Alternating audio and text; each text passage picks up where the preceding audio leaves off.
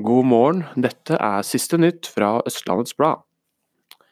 I fem år har bygget stått tomt, men de siste månedene har det vært hektisk aktivitet i Skeidarbygget i Ski sentrum.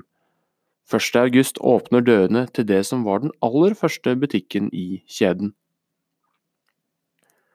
Før jul var det solgt 130 leiligheter i boligprosjektet Magasinparken i Ski. Siden den gang er bare ytterligere seks leiligheter solgt. Jeg tror ikke det har gått opp for alle hvor spektakulært dette prosjektet er, sier prosjektleder Vegard Skredlund til ØB.